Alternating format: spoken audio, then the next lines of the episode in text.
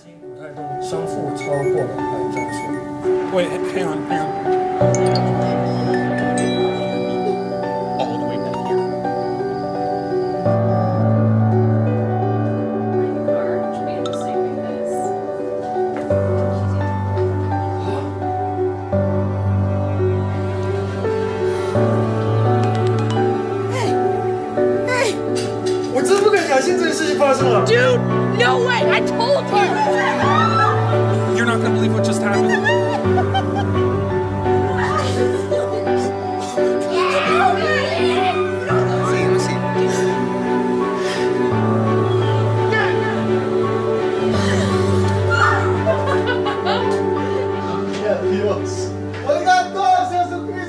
Long ago, this is what they felt like when it happened.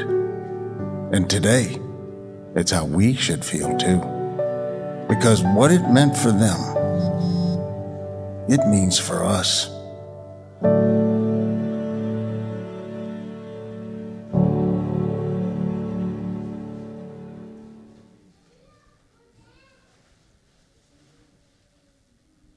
Hei.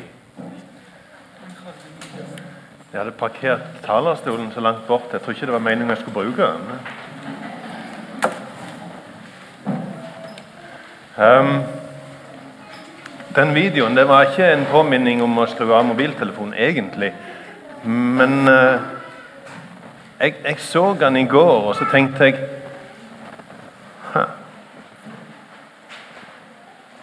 Tenk hvis Jesus hadde stått opp i dag. Hva hadde vi gjort da? Sånn, da hadde vi sittet her på mo- mobiltelefonene og sendt meldinger rundt. Han har stått opp. Så må flest mulig få høre det. sant? Ja Jeg har med noen ting oppi posen i dag, men jeg tenkte jeg skulle spørre dere om det har gjort noe dumt noen gang. Er det noen som har gjort noe dumt? Ja. To stykk på Klepp. Tre, fire Ja, opptil flere som har gjort noe dumt, altså. Opptil flere som har gjort noe dumt. Jeg òg har gjort noe dumt. Jeg har gjort ganske mange dumme ting, og en av de dumme tingene jeg har gjort, det er at jeg har gått på plommeslang. Plommeslang jeg gikk rett og slett og stjal plomme hos naboen hjemme da jeg var liten. Og tro det det var fordi at han hadde plommetre, og vi hadde det ikke. Nei, Det er det som er så løye. Vi hadde plommetre, vi òg. Men det var mye mer spennende å gå og plukke plommer hos naboen enn å plukke på treet som vi hadde sjøl. Er ikke det litt løye? Så vi lagde en sånn Så når vi kom hjem fra skolen, jeg og broren min Gunnar og søsteren min Elisabeth og så to nabojenter. Når vi kom hjem med bussen fra skolen, så gikk vi en tur bort til naboen sitt plommetre og plukket plommer. Det gikk på en måte godt ei hel stund, helt til pappa så at det var sti. Det var sti bort til naboen sitt plommetre. Da skjønte han hva det var som skjedde. Og så Og så sa han til oss at vi måtte gå og be om forlatelse. Så jeg måtte gå til Hanne og Kristian og si om forlatelse fordi at jeg hadde stjålet plommer hos dem. Tror du at jeg syntes det var gøy? Hæ? Hvordan, hvordan tror du jeg hadde det inni meg når jeg skulle gå til Hanne og Kristian og si om forlatelse for at jeg hadde stjålet plommer? Jeg tror det var liksom Yes, nå skal vi en tur bort til Hanne og Kristian. Var det sånn? Jeg, jeg hadde en sånn stor og stor klump i magen på en måte. Jeg grudde meg noe helt kolossalt til å treffe Hanne og Kristian den dagen. For jeg skulle si at jeg hadde stjålet. Og så Det var bare 200 meter å gå bort til huset til Hanne og Kristian. Og det, Jeg husker det ennå, de der tunge stegene bort til huset deres. Og så husker jeg at jeg var misunnelig på Ruth Evi, nabojenta, for hun var ikke med. Hun hadde lurt seg unna. Hun skulle ikke være med bort og si om forlatelse. Hun hadde bare sprunget hjem. hun. Og Så gikk jeg der og var misunnelig på Ruth Evi, for hun slapp å si om forlatelse. Og Så gikk vi bort, bankte på døra til han og Kristian, og så kom de ut. Og så fortalte vi hva vi hadde gjort. Og Jeg husker at søsteren min Elisabeth hun grein. Hun syntes det var helt fælt. Vi òg syntes det var veldig fælt, men vi var gutter, så vi kunne ikke grine. Eller et eller annet. Jeg husker iallfall at hun grein. Jeg tror jeg var litt på gråten, jeg òg. Hvordan tror du det gikk? Tror du at Hanne og Kristian var og henta en så de skulle slå meg på rumpa med, eller? For de var og henta noe. Men hva var det de var og henta? Skal jeg si det? De var og henta en tvistpose. Og så fikk vi tilgivelse fordi vi hadde plukket plommer hos dem. Og så fikk vi en tvistpose fordi at vi hadde vært så flinke å komme og si om forlatelse. Og så gikk vi hjem. Og den andre veien, når vi gikk de 200 meterne hjem igjen, da var han liksom Yes! Og så syns jeg synd på Ruth Evi, for hun hadde ikke vært med. Hæ?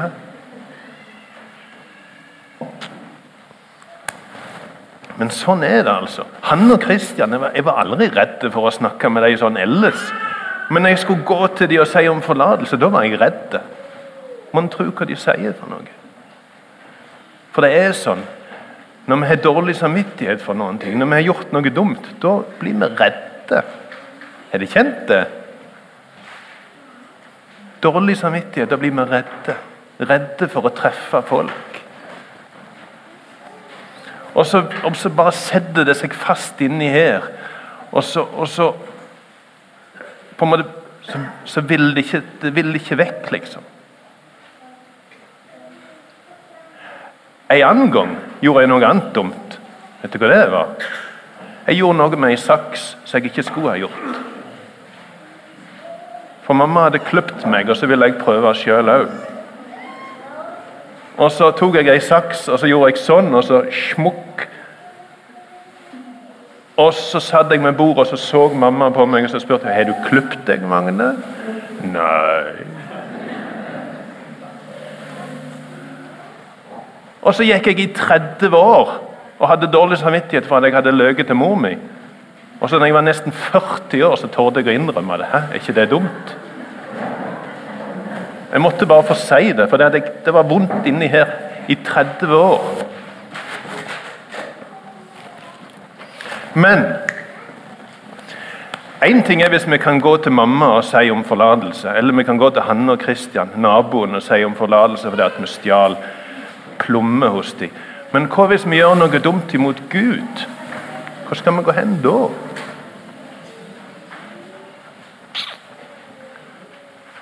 Hva skal vi gjøre da? Jo, i Bibelen, i den delen som heter Det gamle testamentet, da kan vi lese noe spennende. For det er at Gud han lagde noen ordninger. Sånn at når det var noen som hadde gjort noe dumt imot Gud og vært ulydig mot Han, da kunne én mann en prest, en ypperste prest. Han kunne gå inn i tempelet, og så kunne han ha med seg blod ifra et dyr. Og så på en måte vise denne ypperste presten at folket og jeg vi har gjort dumme ting og vi fortjener straff. Men nå er dette dyret her, denne, dette, denne lammet eller denne oksen, har dødd i plassen for oss. Og så bærer han fram dette blodet ifra dette dyret, og så skal det være på en måte en bønn om tilgivelse til Gud. Og det var spennende, kan du tenke dere.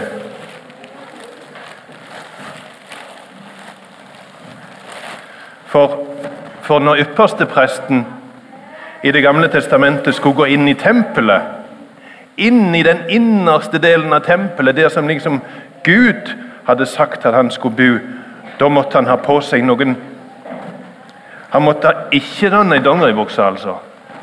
Nei.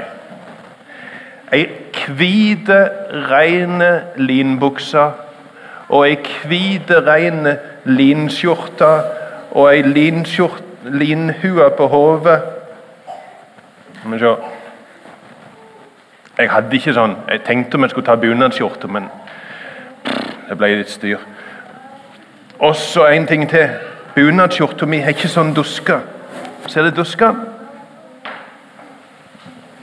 Så når ypperste presten skulle inn i tempelet, da skulle han ha ei sånn skjorte med duska nederst.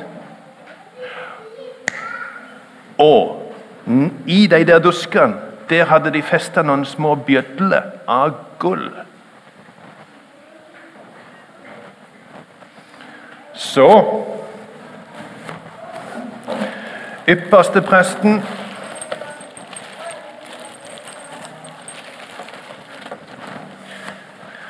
hadde én ting til, altså. Han hadde en ting til. Det er ikke alltid så godt å finne enden. Ypperste presten hadde en ting til, for han skulle gå inn. Inn forbi et sånn et gardin som var helt innerst i tempelet.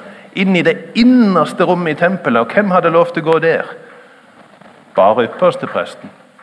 Ingen andre hadde lov til å gå inn der. Og han hadde bare lov til å gå inn én gang i året. Hva skjer hvis ypperstepresten gjør noe dumt mens han er i tempelet? Så tenker de For det, folk hadde dårlig samvittighet, og så var de redde. sant? Tenk hvis ypperstepresten dør inne i tempelet. Hvordan skal vi få han ut igjen? Tenk hvis han gjør noe dumt, og at Gud blir sint og straffer han sånn at han dør. Og derfor, folkens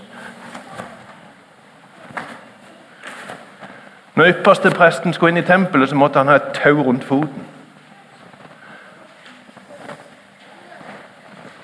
Og Så gjenger han inn i tempelet med dette her offeret. Og så står folket utenfor, utenfor dette forhenget, og så, og så eh, lurer de fælt. Går det godt i år? Og så var de helt stille. Sånn, Han bar inn et sånn et Det der er bare sånn legelam, altså. Men, men, men, men de som var i tempelet Det var bare prest, ypperstepresten som hadde lov å gå helt innerst. Men de andre prestene de var helt stille. Og så hørte de Hører dere noe?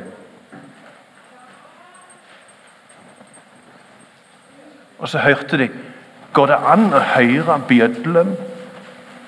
For hvis det ble helt stilt, da tenkte de nå er sikkert ypperstepresten død. Gud godkjente ikke offeret som han kom med. Og Så sto de der og så hørte de. Og så hørte de bjødlen. Og så var de så glade for det at ypperstepresten lever.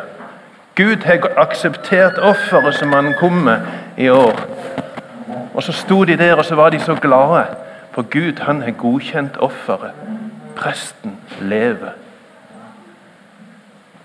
Og så Etter hvert så kom presten ut igjen. Og så visste de at nå hadde presten, ypperste presten båret fram et offer for alle synder til alt folket for et helt år. Men neste år så måtte han inn igjen. Med blod fra et nytt lam. Og hvert år så måtte han inn den samme turen, inn i det aller helligste i tempelet, og ofre til Gud som ei soning for alt synden som folket hadde gjort. Og Hvert år så måtte han ha på seg dette her tauet, sånn i tilfelle Gud ikke godkjente offeret. For sånn tenkte de. De var så redde.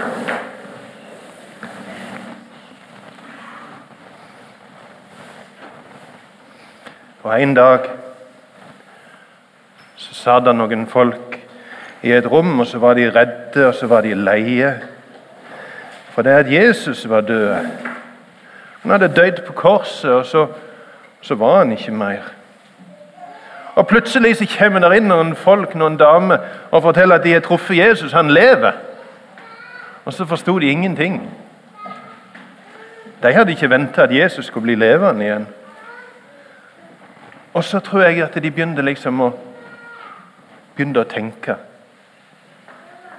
Og så skjønte de hva det var Jesus hadde gjort. Når han døde på korset, så bar han fram et offer for ikke si egen synd, men for folkets synd.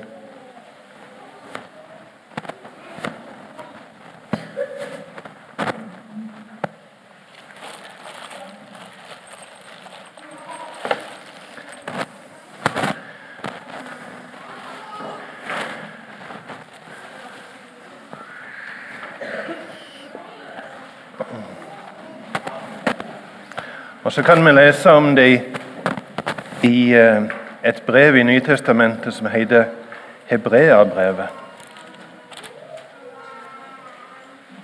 For det at Ypperstepresten han hadde gått inn med blod fra et lam sant? hvert år. Hvert år så måtte han inn og ofre for folkets synd med blod fra et lam.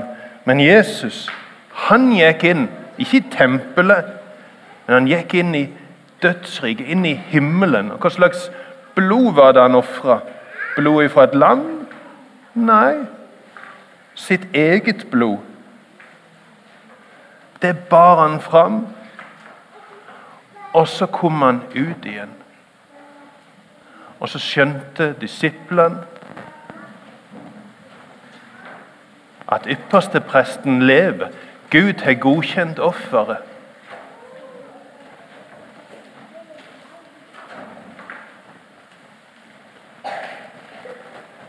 Kristus er kommet som øversteprest for alt det gode vi nå har. Han har gått gjennom det teltet som er større og mer fullkomment, og som ikke er laga av mennesker. han. Ikke med blod av bukker og kalver, men med sitt, med sitt eget blod gikk han inn i helligdommen én gang for alle og kjøpte oss fri for evig. Blod av bukker og okser og oska av ei kvige gjør heilag og rein i det ytre når det blir dynka på det ureine. Hvor mye mer skal ikke da Kristi blod rense samvittet vårt fra døde gjerninger, så vi kan tjene den levende Gud? For Kristus har i kraft av en evig ande båret seg sjøl fram som et feilfritt offer for Gud. Hmm.